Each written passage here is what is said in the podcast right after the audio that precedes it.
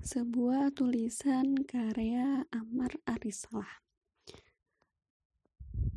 Aku berharap murabiku tersayang akan bertemu kembali di dunia setelah udara bersih dan wabah berhenti.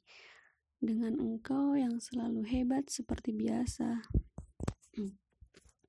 Engkau yang entah bagaimana mampu mengurai judul-judul buku yang belum pernah kubaca, yang senantiasa memamerkan buku-buku baru di setiap pertemuan kita, sehingga aku percaya Murabiku adalah pembaca buku yang hebat.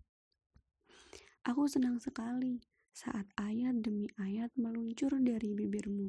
Aku yakin murabiku telah menghafal berjus-jus Al-Quran dan aku selalu terlampaui.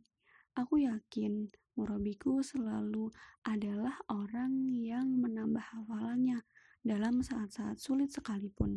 Seperti pesanmu saat kami menyetor dua, tiga, empat, sepuluh ayat setiap pekan dan engkau menyemangati kami yang nyaris putus asa karena ayat itu enggan abadi dalam dada kami.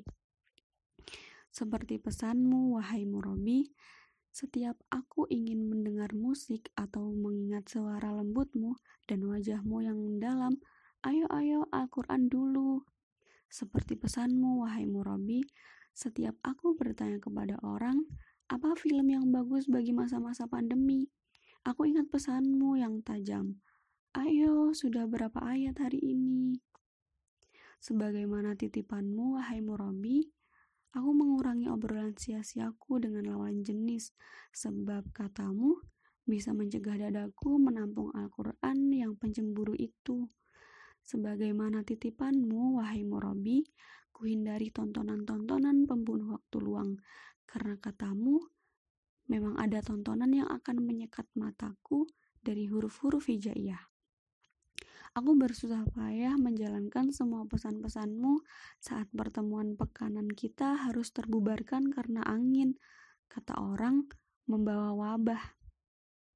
Dan aku selalu menunggu murabiku yang penghafal Al-Quran, yang dari lisannya ayat-ayat akan selalu menampar-nampar aku. Sudah berapa ayat di dadamu, wahai Murabi? Aku selalu menunggu saat engkau mengkoreksi hafalanku tanpa engkau melihat musof sekejap pun. Sudah berapa ayat, wahai Murabi?